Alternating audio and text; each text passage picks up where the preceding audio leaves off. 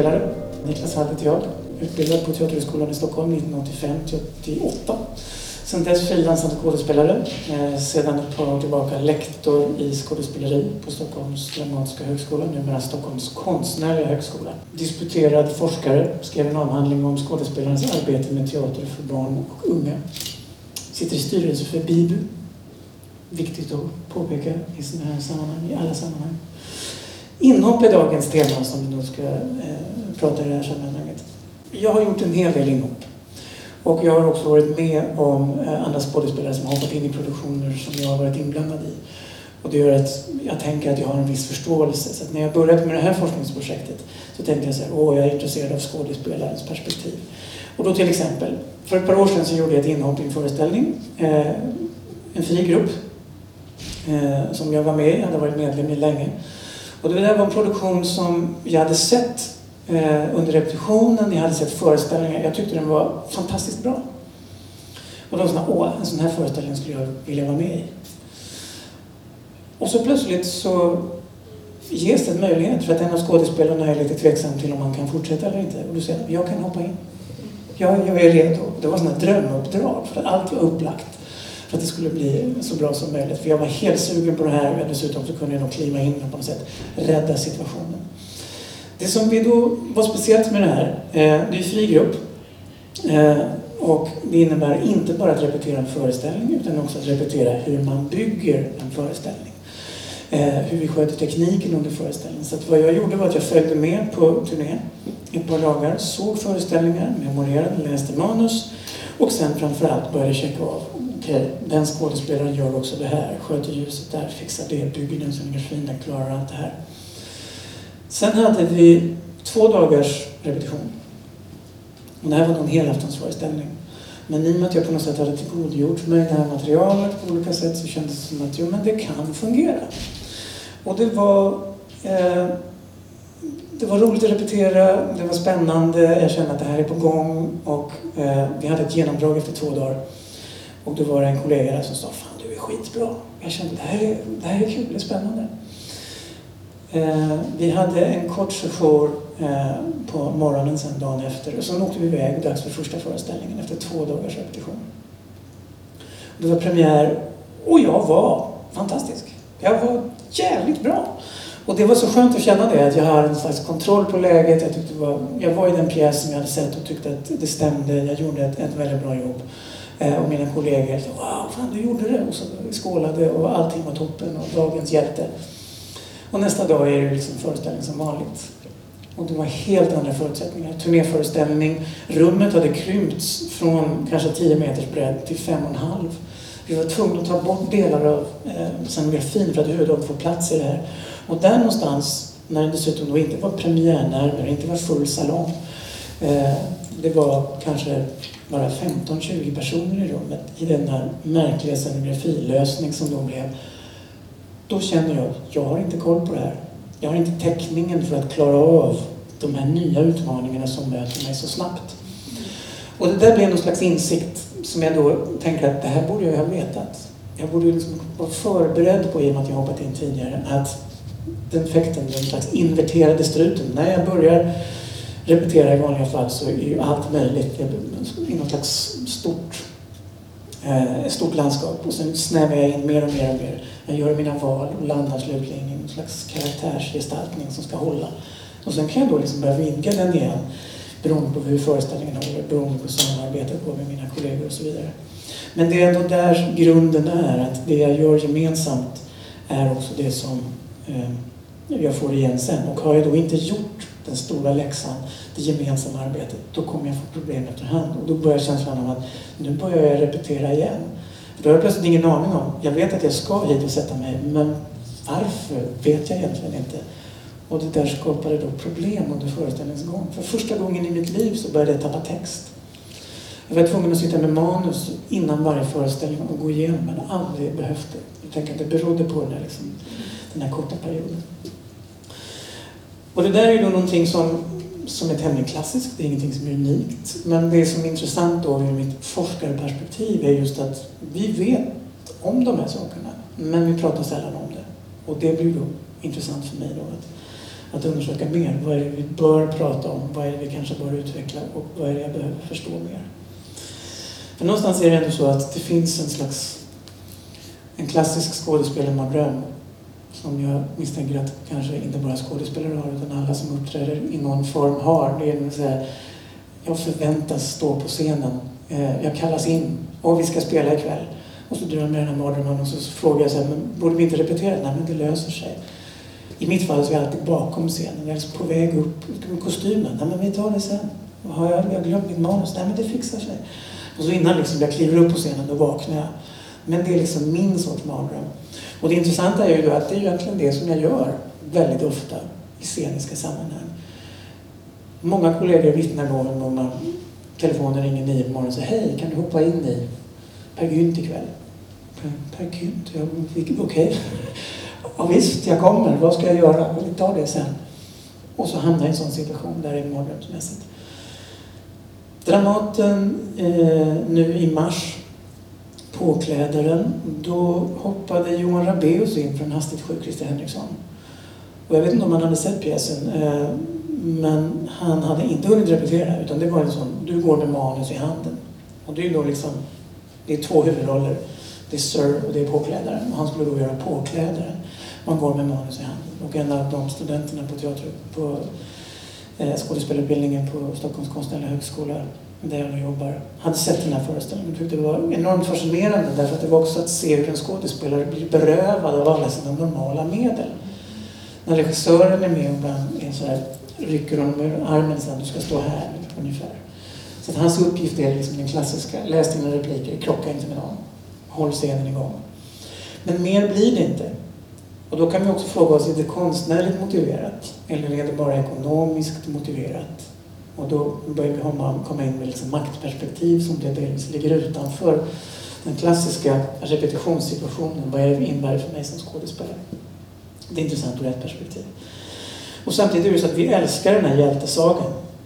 Hjältesagan är ju då den där eh, till exempel det finns eh, ganska ofta får vi höra om det inom det här när det gäller opera. Eh, och då hittade jag när jag satt på KB och gjorde sökningar på det här med inhopp, då hittade jag en, en, en nyhetsuppläsning från Kulturmitt från 1987. Och då är sista notisen är det här, och den får rubriken minst sagt en snabb utryckning och nu citerar jag där.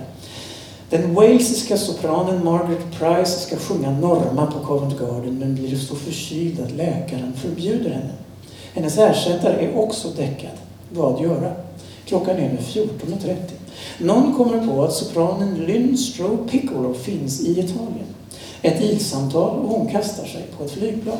Fem timmar senare, tio minuter innan ridån går upp, når hon fram till Covent Garden. Hon får en snabb genomgång av rollen, sätter på sig sin peruk och kostym och går in och sjunger. Det blev förstås jubel och stående ovationer för Lynn Stroh Piccolo, för det gick förstås bra. Slut citat. Och då tänker jag, bortsett från att det är då två förstås i slutmeningen, vilket är lite klumpigt, så är det intressant just därför att det gick förstås bra. Då tänker jag, varför är det förstås? Här kommer en människa har flugit i fyra timmar, skulle rimligtvis kunna vara hjärtläkare, helt okoncentrerad, visar jag har inte repat tillräckligt, jag trodde jag hade koll på det här. Och går in i väggen eller snubblar på scenografin. hur många grejer som helst kan skita sig. Men det är, liksom, det är den här historien som vi älskar att höra. Så det då, inhoppet blir ju på så sätt då liksom en blandning av mardrömmen det jag drömmer om. Och shit, är det här på riktigt? Vad i helsike ska jag göra nu? Och hjältesaga, liksom, den som kommer in och räddar. Så där, där rör vi oss. Och det tycker jag är intressant. Och samtidigt så kan jag tycka ur dramatiskt perspektiv, vad händer med de berättelserna när det går fel? När det inte blir förstås, så gick det bra. Och då tänker jag att de situationerna, de hör vi inte om på det här sättet. De blir snarare fiction. Det är då som inhopparen i Skurken som vill göra, ha ihjäl huvudrollsinnehavaren för att få skärp i stjärna. Det är då som någonting händer på vägen när man klantar till det. När det inte blir så bra som det är tänkt. Det är liksom... Eh, det är en annan konstruktion helt enkelt.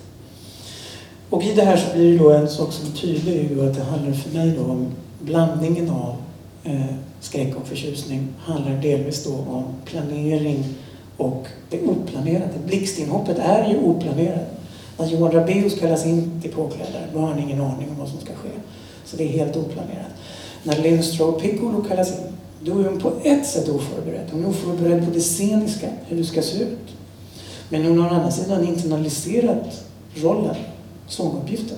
Den har hon arbetat med i flera år. Så det är inte det som är problemet. Det handlar mer om hur hon ska interagera i det fysiska rummet tillsammans med benarbetarna. Så det är någon slags blandform av det där. Och nästa steg är då givetvis det planerade inhoppet som ibland beroende på två dagar, en slags gränsfall i mitt fall då, men då hade jag å andra sidan arbetat med eh, förberedelse under en längre tid så att det var möjligt att göra på två dagar. Annars kan man tänka sig om man har en vecka på sig, är det då frågan om ett inhopp eller ett ersätta? Så då har vi liksom semantiska problem. Vad är, det vi, vad är det vi diskuterar? Vad det innebär att vara understudy? Vad innebär det att vara swing? Alla de här sakerna som någon slags terminologi. En av förutsättningarna som jag ser det som då är just att ju fortare det går, desto mindre information har jag. Då måste jag göra någonting av det jag har.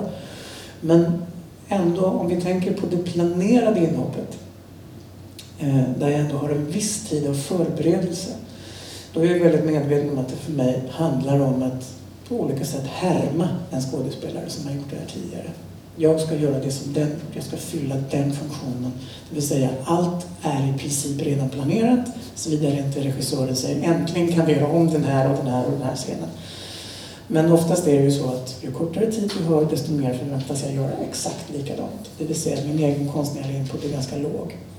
Och då brukar vi då säga, jag ska härmas, jag ska ha låg eh, konstnärlig påverkan. Det är inte särskilt lukrativt, eller snarare attraktivt att göra det här.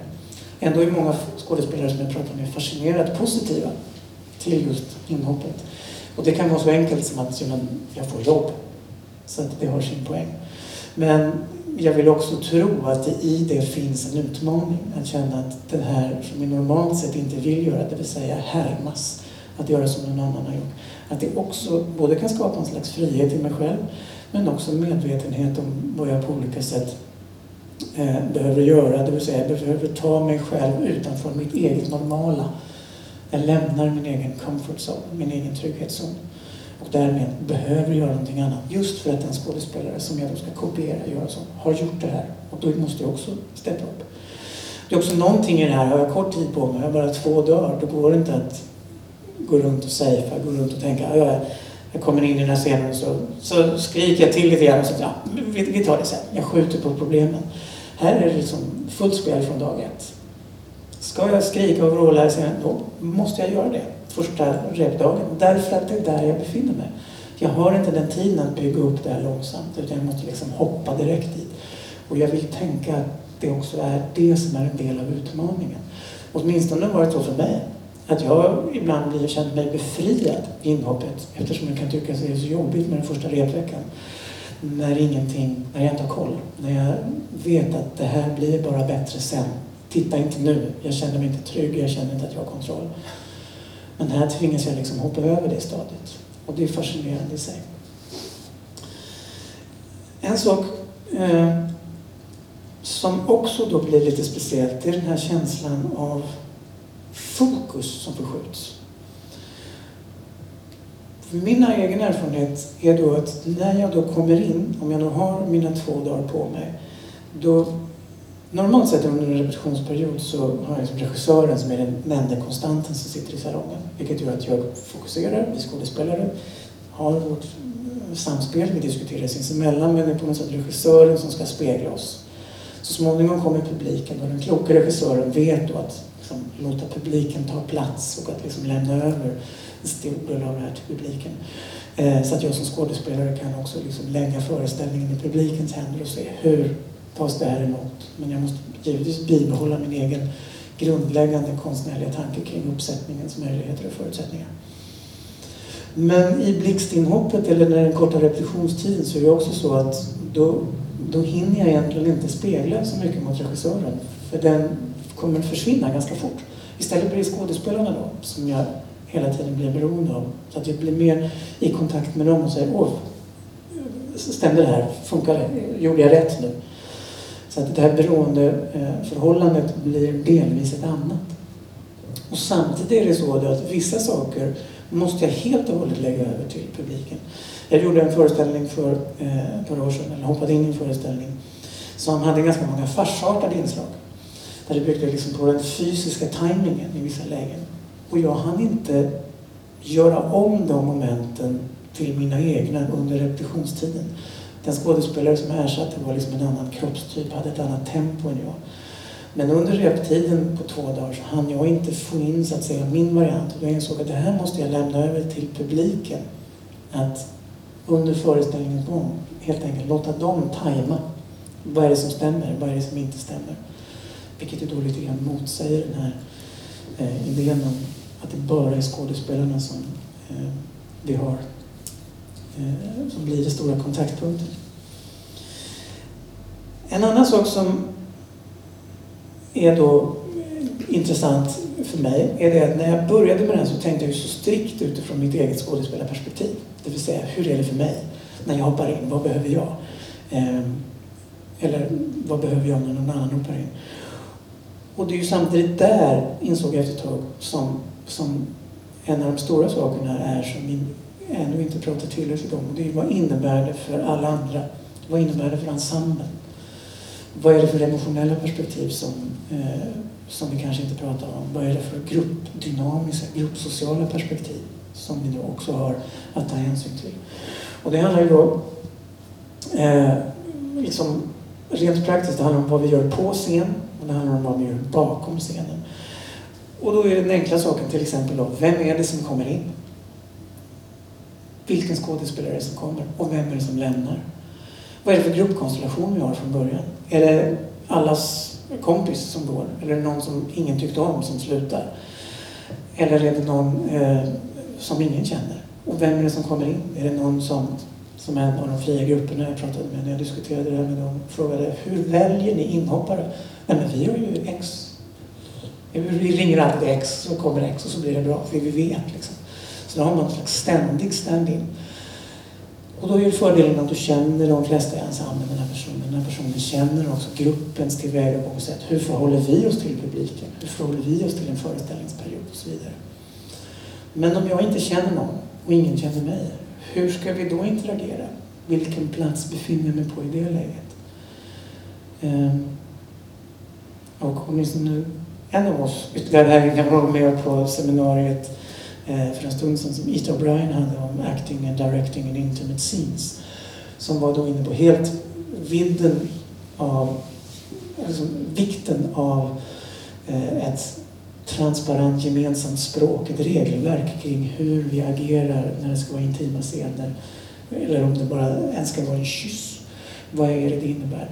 Hinner jag överhuvudtaget då i en inhoppssituation? Även om vi har det regelverket, även om vi har repeterat fram en föreställning som har den här tyngden. Hur förhåller jag mig till det här läget när någon kommer in och ska ha två dagar på sig och göra en massa annat den här scenen bara blir en i mängden istället för att få den tyngd som det kanske skulle få under en repetitionsperiod.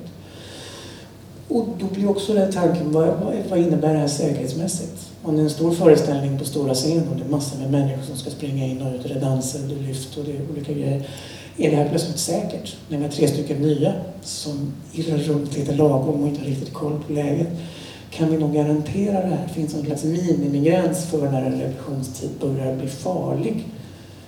Oavsett om den är konstnärligt motiverad eller inte. Så det är sådana saker som också dyker upp.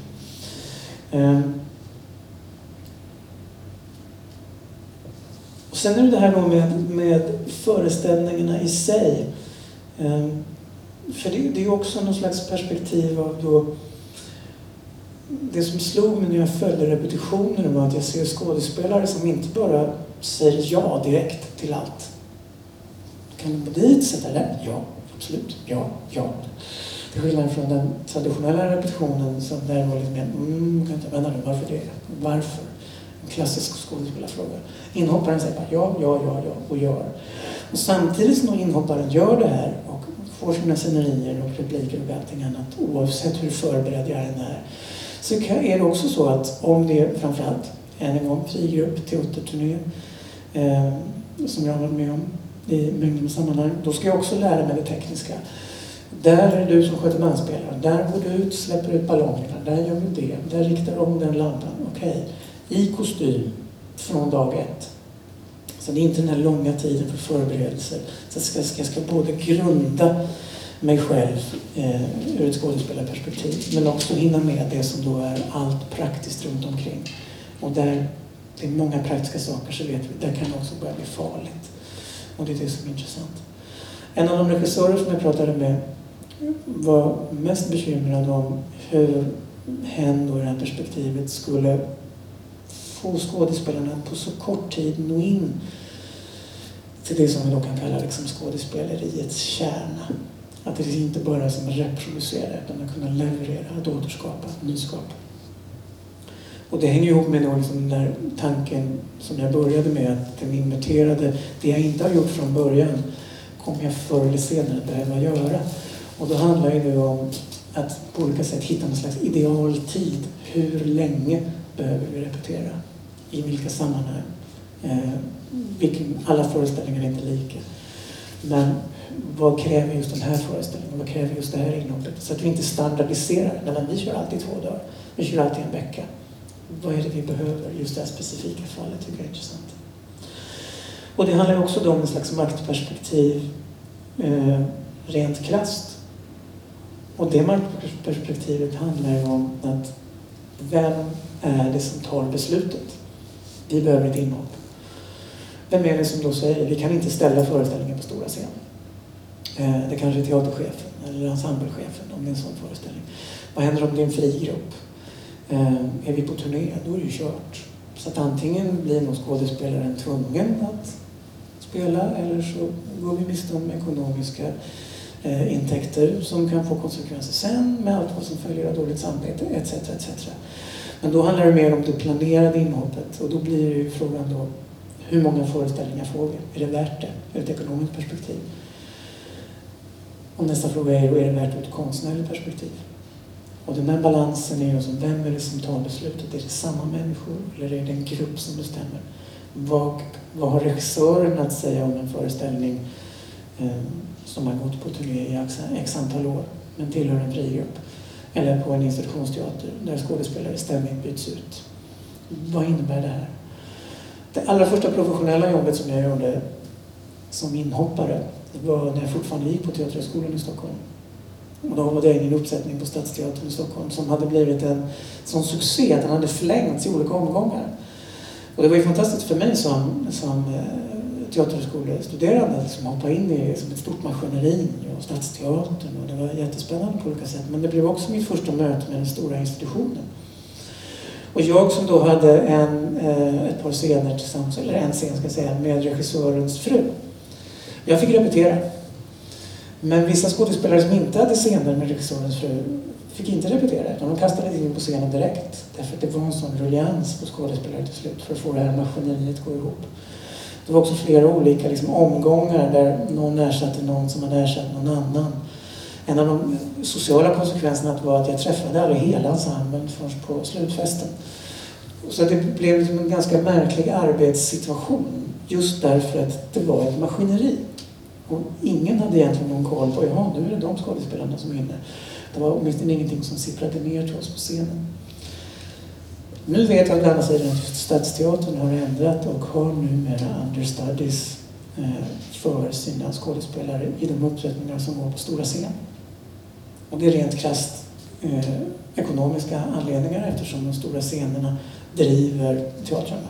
Så istället för att ställa in på stora scener, eller ens riskera att ställa in på stora scener, har man etablerat ett slags understudy-system som finns där. Och det finns också givetvis då eh, konstnärliga fördelar med det. Man slipper en skådespelare som går med manus, till exempel. Och då kan vi samtidigt säga att skådespelaren som går med manus är en nödlösning där mardrömskvoten om att bara vara inkastad i en situation kanske minimeras eftersom det redovisas. Jag kan inte det här och jag vädjar om mer sympati.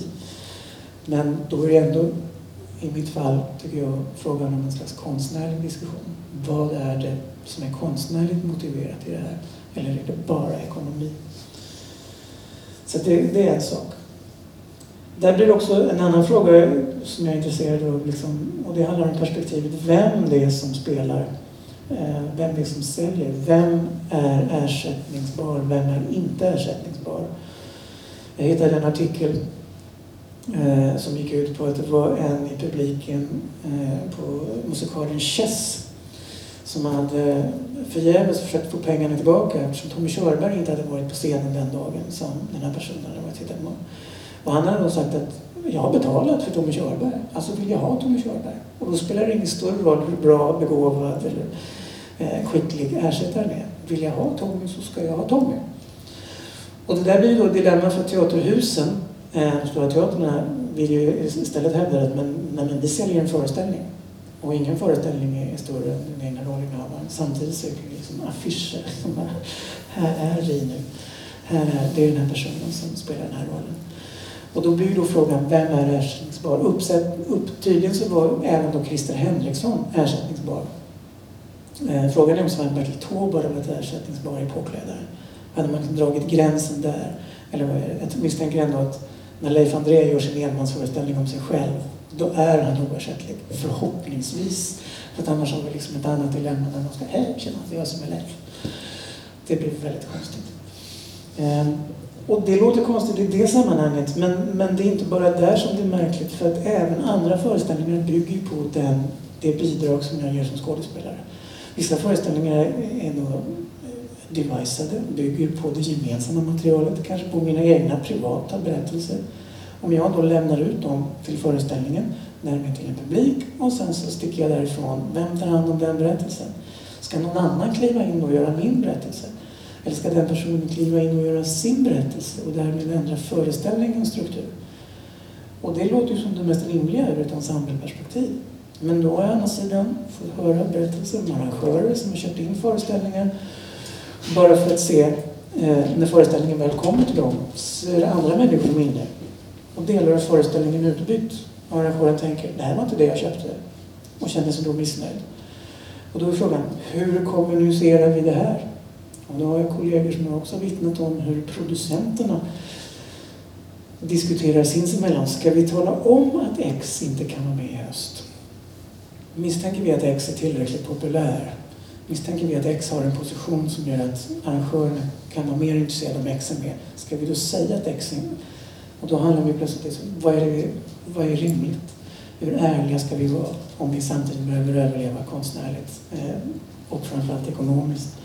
Eh, det blir ju, ju mindre enheterna blir, det vill säga den fria gruppen. Men det är ju inte bara det. Eh, när jag pratade med några eh, skådespelare och eh, producenter, regissörer på Pantomimteatern och så frågade de så här, vad är det första ni kommer att tänka på när det gäller inhopp? Och då säger producenten direkt, kostnaderna. Och det var snabbt och spontant, men det har blivit också en slags verklighet utifrån perspektivet därför att inhoppen blir, de har alltid existerat och kommer alltid existera. Vi behöver inhopp, det är ingenting att snacka om. Men de, Eh, de upplevde i alla fall, och det stämmer överens med några andra av de fria grupperna jag pratat med, att det blir vanligare och vanligare eftersom eh, kontraktstiderna kortas hela tiden. Och det finns då en slags känsla av en trend bland, kanske då bland yngre skådespelare att när jag stannar bara här en viss tid. Det stannar, jag kan bara bli garanterad ett kontrakt den här tiden, sen söker jag mig efter nytt. Så att, att sex månader på turné, det är liksom en lång tid. Eh, och är det en turné som bara är tre månader, då söker jag mig genast någon annanstans för att säkra upp. Vilket gör att vi kommer behöva ha nya skådespelare och det innebär också att redan vid repstart kanske jag vet att den skådespelare som går till premiär inte är den skådespelare som kommer stå på scenen när den här kommer börja spelas. För det som framförallt händer inom barn och ungdomsteatern är ju det att tidpunkterna har förskjutits från när jag började för 30 år sedan. Då kunde vi repetera och redan ha sålt föreställningar baserat på vårt goda renommé och rykte och liksom vilka vi var som gjorde den här föreställningen. Men nu vill arrangörerna eh, väldigt ofta se och då blir det utbudsdagarna som gäller. Och från utbudsdagen till första föreställningen är ett halvår, ibland ett år. Och då måste jag göra någonting under tiden. Så det innebär att flera grupper laborerar nu med scenariot att jag repeterar fram en produktion, visar upp den, säljer den och vilka som sen spelar när det väl är dags. Det kan vara en helt annan affär. Och då blir det frågan om hur mycket måste vi då planera in från början av allt det här. Ehm, och samtidigt är det då en inte bara liksom negativt det här att skådespelare byts ut ehm, ur ett konstnärligt perspektiv, socialt perspektiv. Framförallt än en gång fria grupper eller med långkörare i andra sammanhang finns det också de som, som är fullt medvetna om att en ny skådespelare kan liksom skapa den här nytändningen, en slags gnista av att nu händer det någonting annat. Nu är det eh, ett nytt Eh, vi skärper till oss en stund. Vi har liksom hamnat i intervaller. vi har hamnat i en situation där vi blev lite bekväma. Så kommer in någon ny och tvingar fram en annan situation. Och det i sig är också då någonting positivt. Men som sagt, en grundläggande idé som jag tänker är viktig är det att vissa föreställningar kanske kräver en viss ensemble. Och då kanske vi inte ska byta ut alla, eller ens vissa, eller ens någon i just det här sammanhanget. Och att vi behöver liksom tänka in vad är möjligt i just det här sammanhanget. Så att vi än en gång inte blir så generella. Kort om framtidstankar. Och då tänker jag att det som jag skulle vilja hinna titta mera på och utveckla och diskutera mer. det är ju repetitionsperioden. Hur ser den ultimata repetitionsperioden ut?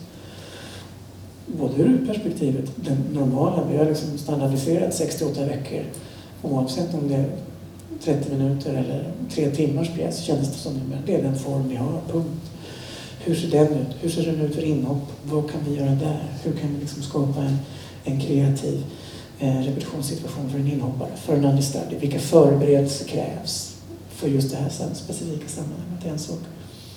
En annan sak som jag också är intresserad av är, är givetvis, eftersom jag själv jobbar på en teaterskola, hur, när vi utbildar skådespelare, hur kan jag på olika sätt förbereda kommande generationer på tanken om inhopp, på processen, så att de kan ligga lite före och inte bara bli inkastade i situationer som de inte har koll på. Och sen är det också en annan fråga som det inte finns något svar på, men det är mer en slags farhåga och det handlar då om huruvida i detta samhälle New Public Management, eh, linjeorganisationer, kallar det vad vi vill, där vi alla på olika sätt blir mer och mer utbytbara. Vad innebär det då för konsten? Eh, om vi är mer och mer utbytbara, tenderar det, om jag redan vet som regissör att jag inte kommer att ha en ordinarie Eh, den här ensemblen jag repeterar med, den, den ensemble som kommer att eh, spela spelas så småningom. Börjar jag då ta bort vissa val? Åh, du spelar fiol, kanon, det måste vi utnyttja. Nej, för då måste jag ha en ersättare som också spelar fiol. Och det gör det svårare för mig. Det är risken att jag liksom begränsar mina konstnärliga val i stunden för att jag tänker att det här måste vara utbytbart. Det här måste andra kunna klara av. Och som sagt, det är en fråga som inte finns något svar på. Nej, det är inte skådespelarens uppgift att själv bestämma eh, vad jag ska bidra med. Men, men det handlar ändå om den gemensamma konstnärliga delen. Så det är där jag tänker, det är då ett perspektiv som kanske inte är skådespelarens, men regissörens, producentens. För jag vill inte ha en situation där kanske en producent går till regissören och säger nej, ta bort det där för vi kan inte ersätta det där. Det där är så jättebra men det kommer inte funka i längden. Om X vill hoppa av. Eller vi vet redan det som blev en liten aha-upplevelse direkt kopplat till nuet var när du också tog upp nu med det seminariet som vi faktiskt båda var på då. Mm. I, i, intimate, uh, intimacy directing mm. och intima scener. Um, för en av, av de frågorna som vi diskuterade i grupper var ju the concerns om det. Och där skulle man ju ha velat haft det här seminariet nästan innan för att kunna liksom ha den tanken fräsch just för inhopp. Mm. Eftersom i det, på det seminariet var det ju så otroligt alltså, eh, förankrat i en teknisk genomgång, tid och tydlighet och, och överenskommelse mellan just de personerna som det gäller och också i, eh, i ett rum med, med så få andra som möjligt i. Liksom. Och, och, vad händer då om man behöver ett blick, blixtinhopp just när det gäller på scen? film är ju inte riktigt där. Det, det, jag tyckte det var en sån... Den hade jag velat liksom ta med mig och ställa frågan till henne mm. i eh, morgon. Den tänker jag att jag kanske skickar med faktiskt, mm. de som ska ja, gå på workshop. Ja, det är jättebra. Vill du säga något om det eller ska jag gå vidare till nästa? Nej, jag tänker att det det är precis en av de sakerna som vi behöver fundera över. Mm. Men som också är liksom just det där, aha, det ingår också. Mm. Mm. Jo, jämförelsen skrev jag ner här också. Det här med eh, inhopp. Jag har inte gjort så mycket inhopp själv, men jag har haft inhopp för mig. Mm. Och i det första gången så liksom konfronterades jag med en jätteosympatisk sida i mig som var liksom helt enkelt eh, en, en, en så här jämförelse. Nej men gud, tänk om alla tycker att, att den här inhopparen är en bättre skådespelare. Och, och jag kände den är så, det är en sån ovärdig reflektion för mig att ha. Men den var där liksom. Och den var så jobbig. Sen har det, sen har det liksom varit efter, har den inte kommit tillbaka eh, på det sättet kanske. Nej, det är, det är och, och, en av en sak som egentligen nog inte diskuteras så mycket. Och det är eh, flera kollegor som har vittnat just om att jämförelsen är väldigt plågsam. Mm. Därför att vi inte är vana vid det i det här sammanhanget. Vi kan, vi kan säga liksom att ja, eh, Hamlet har spelats de senaste... Det finns hur många Hamlet och Ofelier och Rosenkrantz och Gyldensteiner som helst. Men det är olika uppsättningar. Men inhoppet där blir extremt påtagligt. Och ibland är det också då som att ju mer jag har liksom investerat av mig själv i det här så ska jag också se någon som egentligen då tolkar mig. Mm. Vilket då kan, jaha, gick jag så, stå, är det så där jag gör? Mm. Eh, är det så det fram, eh, går ut? Vilket kan bli förvirrande i sig. Eh, och sen jämförelsen i sig. Samtidigt kan du också då, är det intressant därför att från början tänkte jag så här, inhopparen är någon som, man då, som jag tänkte ur mitt eget liksom ett slags hermeneutiskt perspektiv, en, en som bara kan bidra med sin enskilda del men inte har koll på helheten. Helheten kan jag bara ha koll på om jag har varit med från repstart. Det tänkte jag, det är en jättefin beskrivning. Men sen insåg jag att ofta är inhopparen den enda som har sett föreställningen. Och kan plötsligt ha liksom en annan version av, jag såg det där, men jag såg också att det inte fungerade. Utan jag valde att göra så här istället. Och det blir då uppenbart för de skådespelare som har lämnat eh, men som sen kan komma tillbaka till sin egen roll, vilket inte är helt ovanligt. Och därmed hoppar in för sig själva, så att säga. Och det, då blir liksom nästa grej att de beskriver det som en slags bonusgrej för att då får jag på något sätt se vad funkar och vad funkar inte men jag får också ta tillbaka min egen roll. Så att det här ägandeskapet är intressant på många sätt. Vilket då inte bara är som en rättighetsgrej utan även liksom rent emotionellt. Något som, något som jag tänker på, jag har erfarenhet av, av medverkat i föreställningar där eh, en i ensemblen har liksom blivit, eh, menar, att det har blivit ett inhopp med väldigt kort varsel och sådär. Och det jag tänker, eller det jag liksom märkte att jag tänkte på, det var så här, men när uppstår det eller uppstår det en oärlighet gentemot publiken? För när blir den föreställning som är repeterat någonting annat på grund av att en person Mm. har hoppat in? Vilket jag kände väldigt tydligt och det var så här, men det här känns inte som att det är... Eller liksom vad... Jag, jag kunde känna liksom en viss...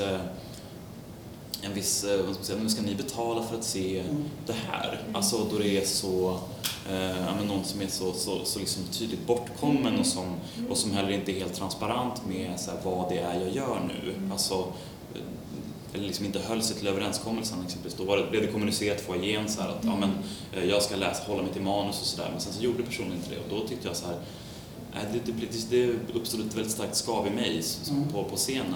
Eh, Just det, det kändes som att det här var inte det som, som ni köpte biljett till. Eh, Nej, och då, det kan jag säga, det, då handlar det om det konstnärliga ansvaret.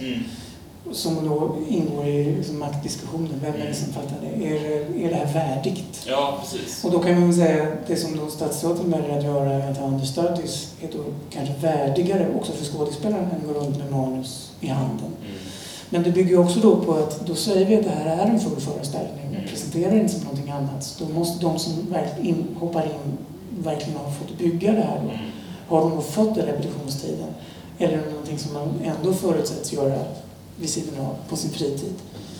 Så det är det är både en slags arbetsetisk, arbetsmiljömässig fråga och en konstnärlig fråga på en gång. Det beror helt enkelt på vilket perspektiv vi har när vi tittar på det. det här med, med att gå med manus på scen och att det finns perspektiv dels, dels för eh, såklart de andra skådespelarna på scenen. Eh, det är också en, eh, det är klart att producenter där inte vill ställa in föreställningar. Men jag tänker också som publik. Mm. Vad, hur stor får kompromissen vara? Mm. Liksom? För jag kan känna så här, det, det kan ju absolut finnas ett värde, kanske, så här, att se arbetet bakom lite grann som du var inne på också. Det finns ett sånt värde. Men vad gör det med liksom upplevelsen när man, när man går på teater kanske för att få leva sig in i en annan berättelse och bli eh, fångad av det som sker på scenen och så blir det en dis- diskrepans lite i, i den. Liksom. Ja, det kan ju förändra upplevelsen radikalt. Mm. Som du säger, att skjuta fokus från att bli en intim föreställning till en redovisande föreställning. Mm. Det kan vara berättigat i sina respektive perspektiv, men är det det som var tänkt från början? Och där är ju då, i blixtinhopp är det ju sällan regissören hinner vara med. Regissören kanske utomlands eller i en annan stad eller vad det nu är. Utan det är någon annan då som säger okej, stå här, gör det, gå så här, gör det, det blir bra. Så vem är det som fattar de besluten? Och det, det är tillbaka där, det finns inget enkelt svar men jag tänker att vi behöver mer och mer bli medvetna om eh, konsekvenserna på mer plan än att kan vi göra föreställningen eller inte? Mm. Måste vi säga till publiken att gå hem eller inte? Mm. För jag har varit med om föreställningar som jag har sett där, wow, den skådespelaren var fantastisk, det visade sig vara en inhoppare. Eller en understudy, eller en, en regiassistent som, Mm. vänd bilen, du måste hoppa in.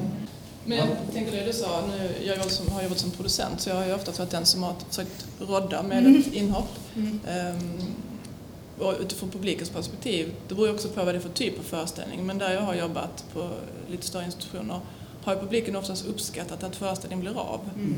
Mm. Att de, det är väl lite mer det här hjälteperspektivet då, att man dels blir imponerad av någon som gör ett inhopp Mm. väldigt snabbt, men också att för man har gått dit man har gått dit för man vill liksom umgås och se en föreställning tillsammans och då blir man mer besviken om det blir inställt. Alltså för man har liksom planerat det på ett sätt. Så jag tror i de situationerna blir man ju oftast som publik bara glad och tacksam. Mm. Mm. Eh, Sen beror det såklart på vad det är för pjäs och vad det är för sorts inhopp, självklart. Och hur det sköts. Liksom. Och där blir det mer, den stora diskussionen då blir det mer vem är det som byts ut? Ja men det är så att Tommy Körberg, jag har jobbat med liknande produktioner och man- publiken blir jättebesviken även om det var planerat. Mm. Alltså det var en understudy så det kan ju bli jättefel om man tror man har köpt biljett till Tommy Körberg och inte till Spelman på taket eller vad det nu är. Jag måste tyvärr bryta där. Yes, vi stannar. Men tack för att ni kom.